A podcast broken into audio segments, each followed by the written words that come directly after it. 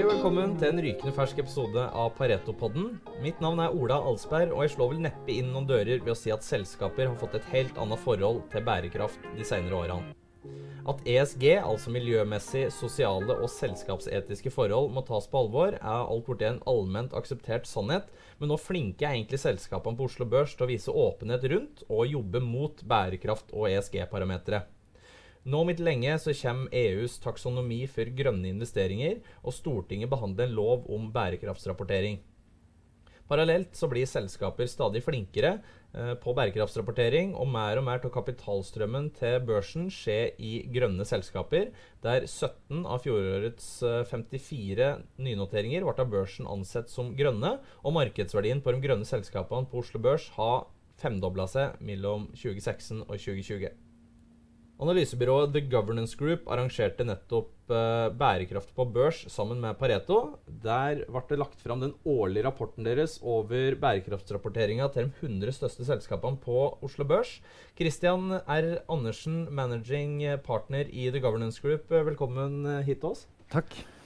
Og med oss i studio har vi òg Alexander Miller fra Odin forvaltning, investeringsdirektør og bærekraftsinvestor der. Velkommen. Takk for det. Skal vi kanskje starte ut eh, aller først eh, litt elementært og sette og ja, dra begrepet bærekraft litt ned på landjorda. Eh, hva mener, hva mener vi egentlig når vi snakker om bærekraft i, i selskapssammenheng? Det handler jo om å drive selskapet på en måte som ikke skader omgivelsene. Eller gjør at man har en lønnsomhet som på sikt blir mindre holdbar.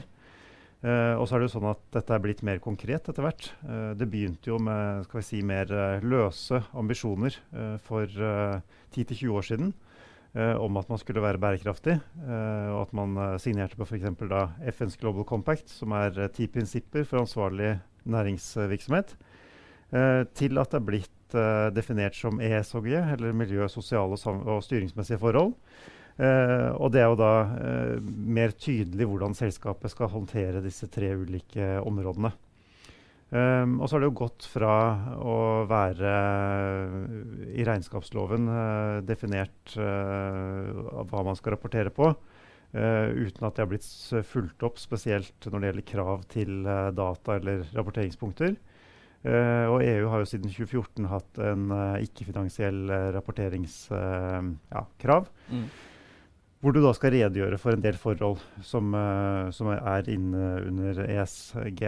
Uh, der er det jo nå en uh, oppstramming som kommer med et direktiv som går på hvordan bærekraft blir håndtert av selskapene.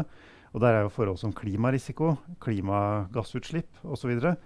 definert mer enn tidligere. Og der kommer det også, som du nevnte innledningsvis, en norsk oppdatering i lovverket som gjør at det blir tydeligere hva man skal rapportere på. Og Det er nok også til stor uh, hjelp for selskapene, for da slipper de å gjette uh, hvordan de skal håndtere dette. her. Og Grunnlaget for alt som blir gjort på ESG, det er at det skal være vesentlig. Det skal være noe som selskapet kan påvirke. Områder som, uh, som er av stor betydning for enten da miljø, sosiale eller styringsmessige forhold.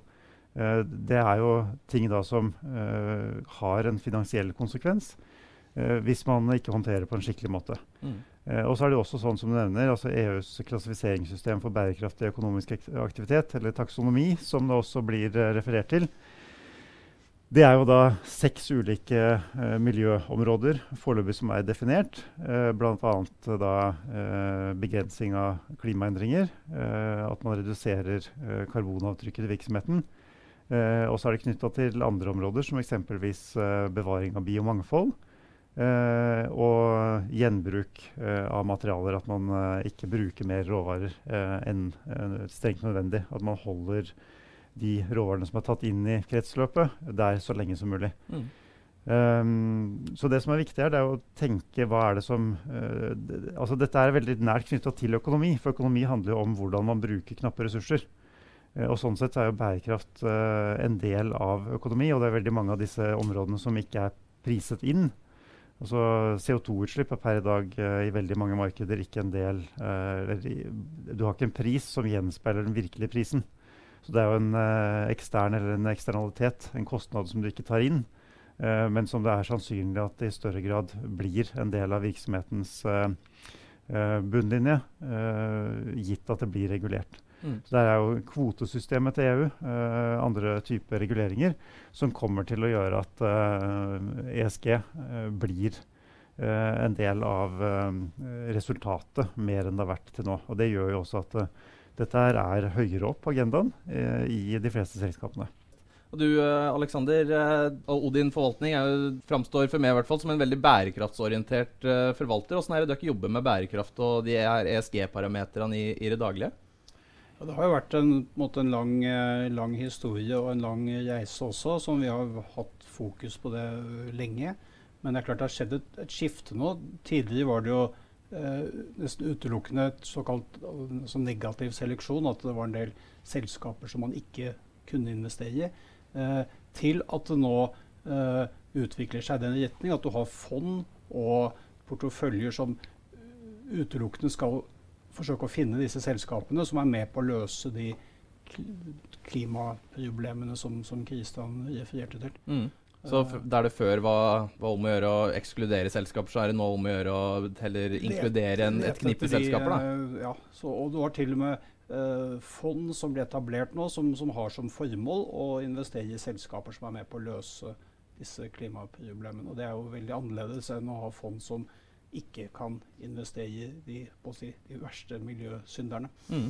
Og I rapporten som dere akkurat har kommet med nå, Christian, for tredje året på rad, der dere uh, går gjennom bærekraftsrapporteringa til de 100 største selskapene på, uh, på, Oslo Børs, hva er det som er hovedfunnene i årets uh, rapport? Vi kan jo si Generelt sett så er det jo en bedring. Eh, det er jo et område som har kommet opp på agendaen til de fleste selskapene. Og Hvis vi begynner med G1 og ser hvordan dette styres, um, så kan det være greit å, å se at uh, året før så var det i underkant av 50% som fulgte en anerkjent rapporteringsstandard. det vil jo si hvilke datapunkter som skal oppgis av informasjon.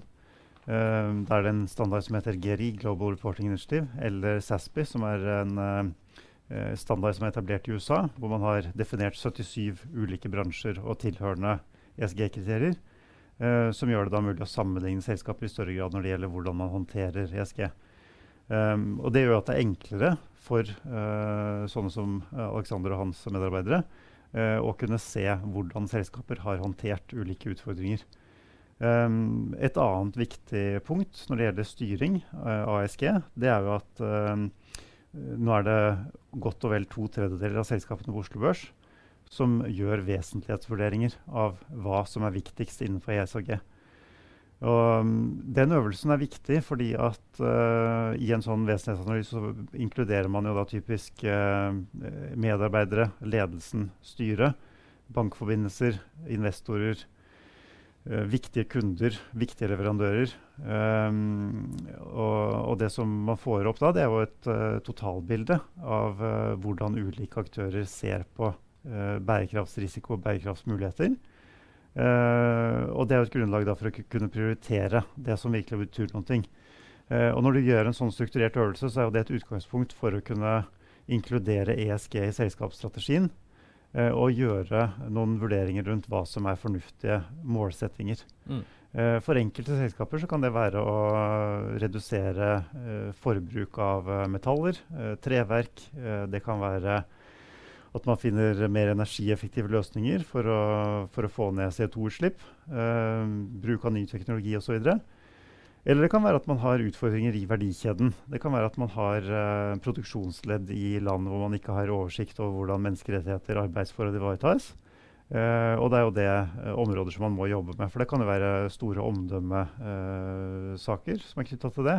det kan jo også bety at man ikke klarer å rekruttere de personene som man ønsker. Um, så vi mener at det skiftet mot at det er mer oppmerksomhet rundt hvordan ESG skal styres, uh, det er kanskje det viktigste som har skjedd det, det siste året. Mm. Det er veldig viktig for oss også. Vi er vant til å uh, måle og vurdere selskaper basert på rene økonomiske tall, og det har man jo veldig god tilgang til. Hatt, hatt det lenge. Uh, nå er vi også påkrevet etter hvert også fortelle kundene våre hvordan de selskapene vi investerer i, påvirker miljøet. Og det er klart da er vi veldig avhengig av å få god, god, god informasjon, og det er, det, det er en mangelvare i dag. den informasjonen er ikke like tilgjengelig og like lett å rapportere på som, som uh, de tallstørrelsene vi er vant til. Så vi er jo veldig veldig glad for den utvikling som har vært. Da, og vi ser at uh, selskapene bare fra i fjor så har de blitt vesentlig flinkere til oss å, å, å rapportere på, på miljø- og SG-aspektet også. For oss er det helt helt avgjørende når vi får krav på oss for å fortelle kundene våre om det samme. Mm. For det går litt sånn i hånd i hånd med reguleringer. eller altså Utviklingen her har gått litt sånn hånd i hånd med at det har kommet flere reguleringer, og, og særlig nå er det mye på trappene. Men er det sånn at uh, selskapene blir mer bærekraftige for at de må, eller for at de vil? Hvordan... Uh er altså, fordelinga der? Det kom jo nylig en klimarapport fra FN som fikk mye oppmerksomhet. Uh, jeg tror vi kan være enige med at etter Parisavtalen i 2016 uh, så har det skjedd veldig mye. Uh, da ble det jo satt ned på vegne av BIS, altså internasjonale sammenslutningen av sentralbanker i Basel. de satte jo ned et utvalg som er ledet av Michael Bloomberg, tidligere ordfører i New York, men også ikke helt ukjent med å ha etablert Bloomberg-handelsplattformen. Uh, og Mark Carney, sentralbanksjef, uh, ledet jo da et utvalg for å finne ut hvordan klimarisiko uh, kunne identifiseres og følges opp i selskaper. og det har fått store ringvirkninger. Det er mange selskaper som bruker det som en modell for å identifisere klimarisiko, se på hva slags teknologi, hva slags type endringer som må til i driften for å si, redusere det negative karbonavtrykket. Uh, samtidig er det også en mulighet for selskaper som har uh, ny teknologi eller løsninger, som, om det er fornybar energi eller om det er bare effektivisering av eksisterende, uh, som da får et bedre marked. Å gjøre både interne og eksterne, og også styre oppmerksomme på, det, på, disse forholdene, det er jo veldig viktig for å kunne gjøre riktige valg. fordi det er jo nå 2030-2050. Det kommer ganske raskt. Det er mange investeringer som gjøres nå som varer i 20 år. Uh, og hvis ikke det gjøres på en skikkelig måte hos selskapene, så har det store kostnader og kan sette uh, tilbake lønnsomheten i selskapene med, med, mange hakk. Så jeg bare si at det, det er, uh, I 2019 så var det 28 av selskapene på Oslo Børs som ikke nevnte noe som helst om klimarisiko. I 2020 så var det kun 14% som ikke sa noe som helst. Uh, men det er også viktig å påpeke at det var bare 43% som hadde en fullgod rapportering på klimarisiko. Det betyr at under halvparten av selskapene på Oslo Børs faktisk har gjort en sånn uh, vurdering som uh, Michael Bloomberg Co. mener var riktig. Jeg tror også For deres del Alexander, så er jo det noe som er viktig informasjon for dere å se at selskapene tar dette her på alvor. Mm. Men Det er klart det er viktig at det er noe på en måte monetært her også i bunn. At, at det er helt opplagt sammenheng mellom Eh, og det driver bærekraftig og, og, økonomi og avkastning. Eh, det er naivt å tro at eh, finansmarkedet og selskapene er idealister og har lyst til å, uten at de skal tjene penger på det, mm. gjøre mye for miljøet. Så det er utrolig viktig at de tingene følger hverandre. Også at det er økonomiske incitamenter for oss å, for oss å drive på en mer bærekraftig måte. Mm. Ja, visst. Du, for du trakk en liten sammenligning mellom uh, dotcom-bobla og mye prising i grønne aksjer som vi ser uh, nå i dag, der det er typisk vekstselskaper som har store forventninger om, uh, om framtida, men, men, hvem vet? Det kan jo både, både opp og ned. Er, er det at den grønne aksjebobla skal sprekke? Er det når du, når du frykter og du tror at vi kommer til å se? Ja, altså det er jo litt som du sier, det er litt parallelt med, med dotcom. Alle skjønte for 25 år siden at at teknologi kom til å spille en vesentlig rolle i hvordan selskapene driver, og lønnsomheten i selskapene. Og, og, de som ikke var flinke til å tilpasse seg den nye teknologien, de ble jo borte. Uh, Amazon og Netflix og sånt er jo eksempler på selskaper som bare overtok veldig mye eksisterende. eksisterende. Og den endringen som skjer nå, at uh, selv en, måte, en en god og lønnsom forretningsmodell den, den, kan du ikke fortsette med hvis den ikke er bærekraftig. Det er et skifte som jeg tenker er ganske parallelt til det vi så i Dotcom også. Så selskapene må, alle selskapene må begynne å jobbe på en annen måte. Og i kjølvannet av det eh, så vil det dukke opp nye forretningsmodeller også. Eh, og så er det klart at, at uh, man skjønner det, at det er et voldsomt økonomisk gevinst ved å klare å løse et av de store klimautfordringene vi har i dag. Så det er her kommer det masse kapital og, og, massevis av selskaper som har lyst til å være med på å, å løse disse klimautfordringene.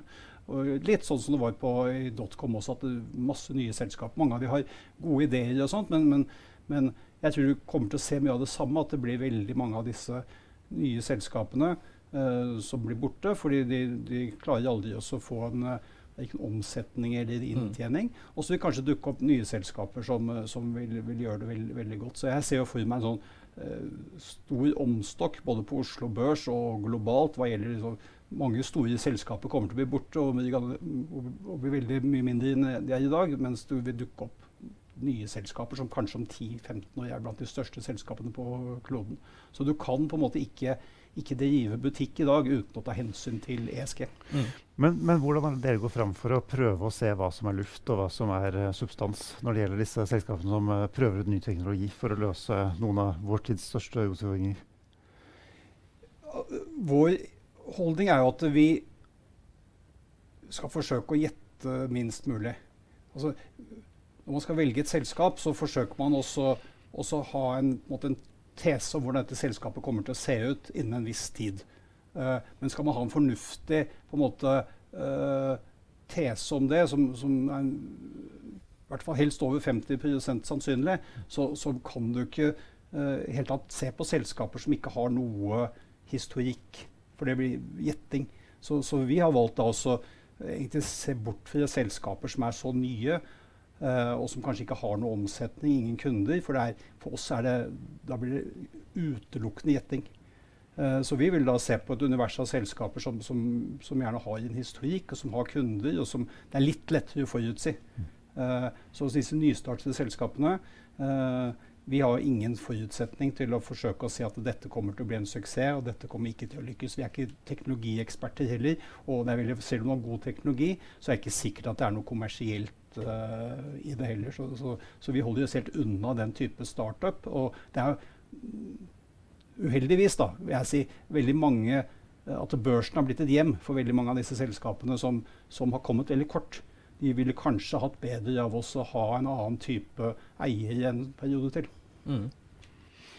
Det, det, som uh, har vært uh, interessant å se, det er også at i forbindelse med uh, introduksjonen av EUs klassifiseringssystem, så er det jo en del selskaper som har fått en prising som er ja, som har en multiple som er kanskje da fem ganger høyere enn gjennomsnittet på, på børsen.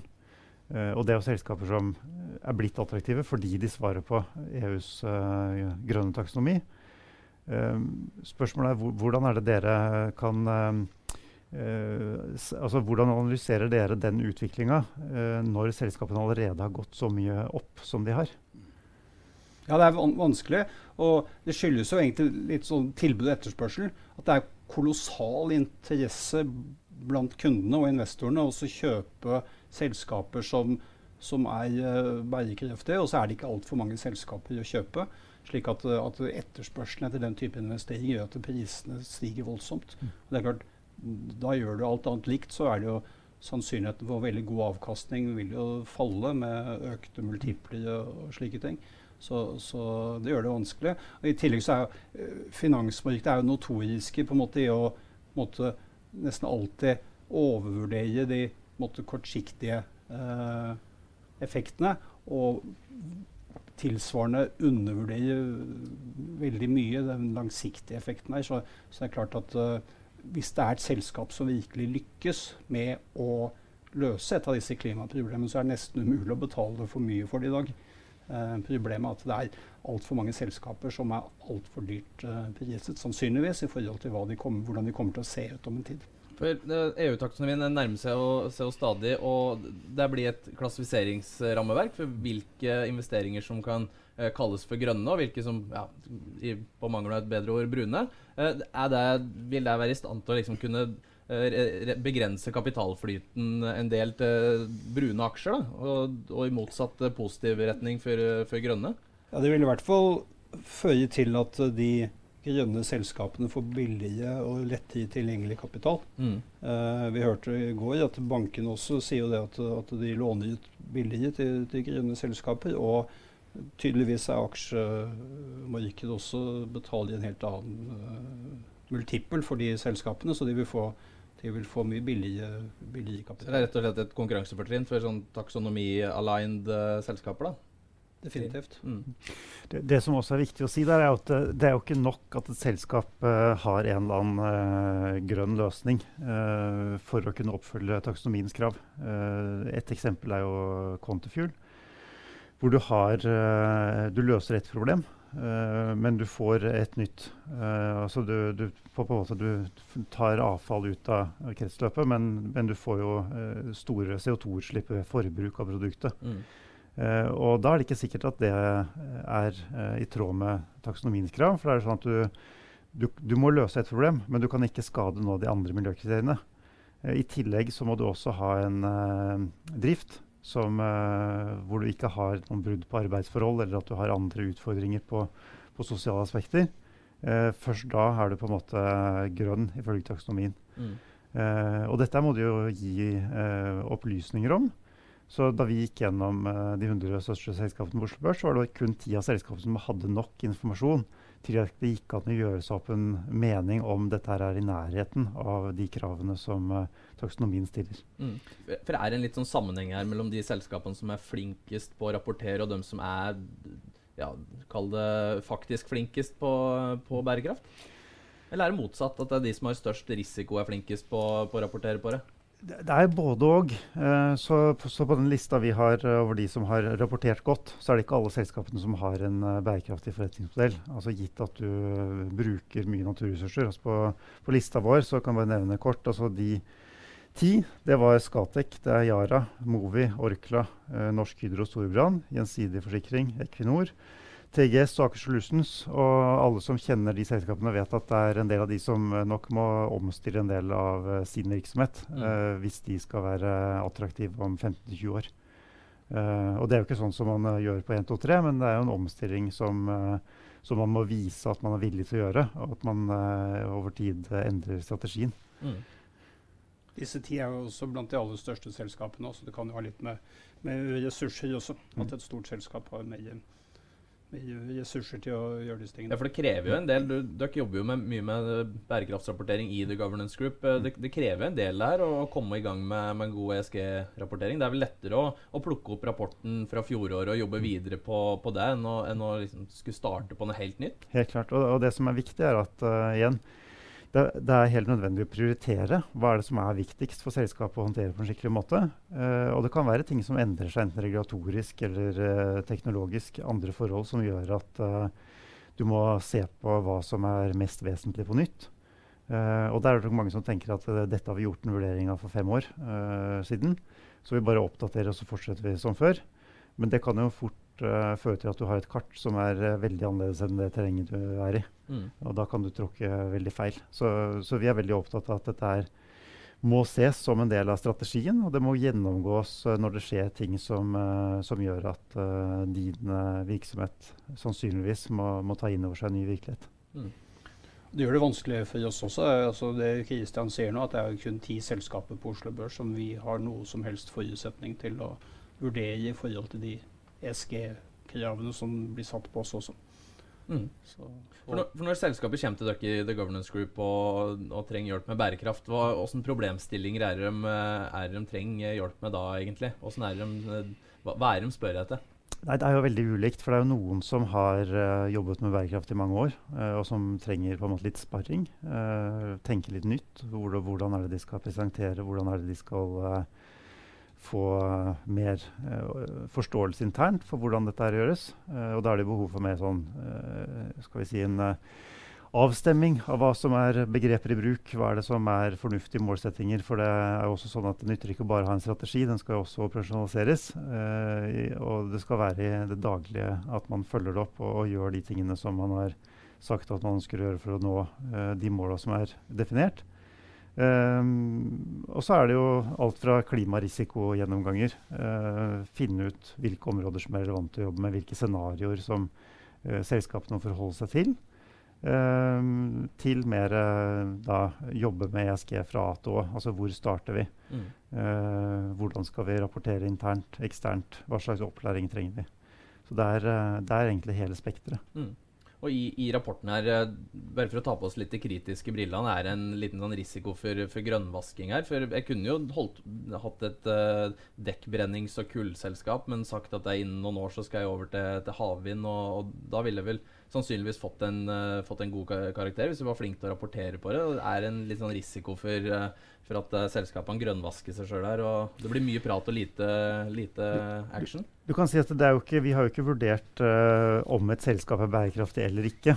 Men uh, når vi gir en vurdering av om det er relevant informasjon om selskapet, og om det følger de standardene for åpenhet som er etablert av enten GRI eller da BIS, så er det jo sånn at hvis man leser den informasjonen, da blir det jo helt tydelig om selskapet har eh, tenkt godt og gjort eh, grundige analyser av hvordan bærekraftsutfordringer skal håndteres. Mm. Så du kan godt si at du får en god karakter, men da, hvis du er interessert i selskapet og tar opp rapporten og leser, så vil det jo raskt bli klart om, eh, om, du har troen på det selskapet eller ikke. Det er vel også sånn dere går fram med, Alexander? Ja, ja, definitivt. Men, men du er inne på noe her. Det er fortsatt syns jeg det er veldig mye, mye tekst og lite tall. Uh, og vi, vi savner jo kanskje litt sånn konkrete, målbare målsetninger som uh, selskapet har, som de kan rapportere på, så også kan følge på en måte utviklingen. Uh, slik som de har vært flinke til f.eks. på avkastningstall og, mm. og sånt, at du får mer sånn finne litt mer bakerst i årsrapporten, også ikke bare den fine teksten. Eh, til, til så der de guider på en uh, EBITDA-margin eller sånne nøkkeltall, så bør de òg guide på en uh, ja, uh, tonn CO2-utslipp eller et eller annet ikke mer ESG-relevant? Noe som er konkret og målbart, og som vi kan følge opp over tid også, for å se, vurdere hvordan selskapet utvikler seg. Mm. Du var litt inne på det tidligere, her, Alexander, men kundene deres i Odin, hvordan merker dere på den ESG-appetitten og, og veksten i, i den? Ja, vi, egentlig ser vi det mest på de som ikke er, ikke er kunder. Da, for vi ser at det er en voldsom oppsving av, av eh, miljøfond. Mm. Altså Veldig mye av, av, de pengene som har gått inn i aksjefond de siste 18 månedene, har gått inn i type miljøfond.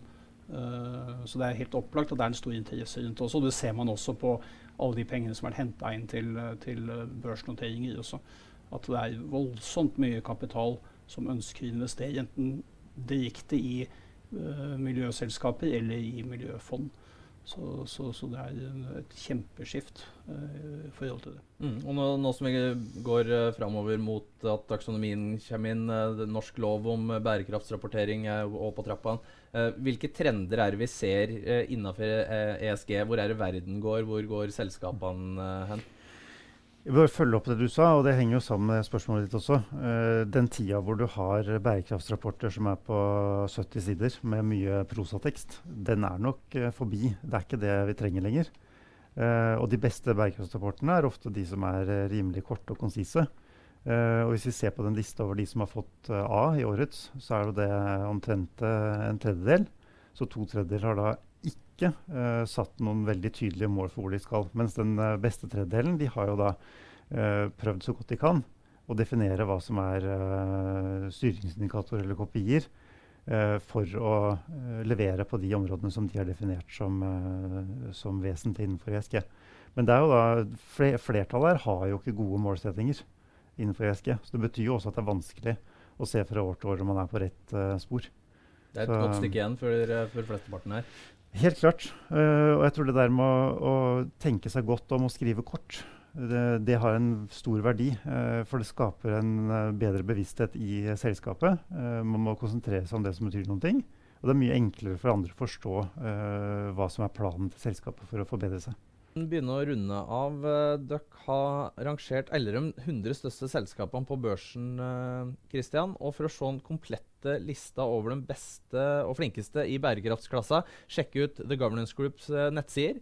Alexander Miller i Odin forvaltning og Christian R. Andersen i The Governance Group. Vi takker så mye for følget. Takk for praten. Takk, takk skal du ha. Hej! Det här är Matilda Karlsson från Pareto Securities i Stockholm. Vi har även en svensk podd och varje onsdag så kommer det ett nytt avsnitt där jag pratar med olika investerare och förvaltare. Så passa på att lära dig lite mer om den svenska aktiemarknaden och lyssna på Pareto Podcast i din podcastapp. Og så minner vi om at informasjonen i podkasten her ikke må ses på som investeringsråd. Eh, Plasseringer i verdipapirer medfører til enhver tid risiko, og historisk avkastning er ingen garanti for framtidig avkastning.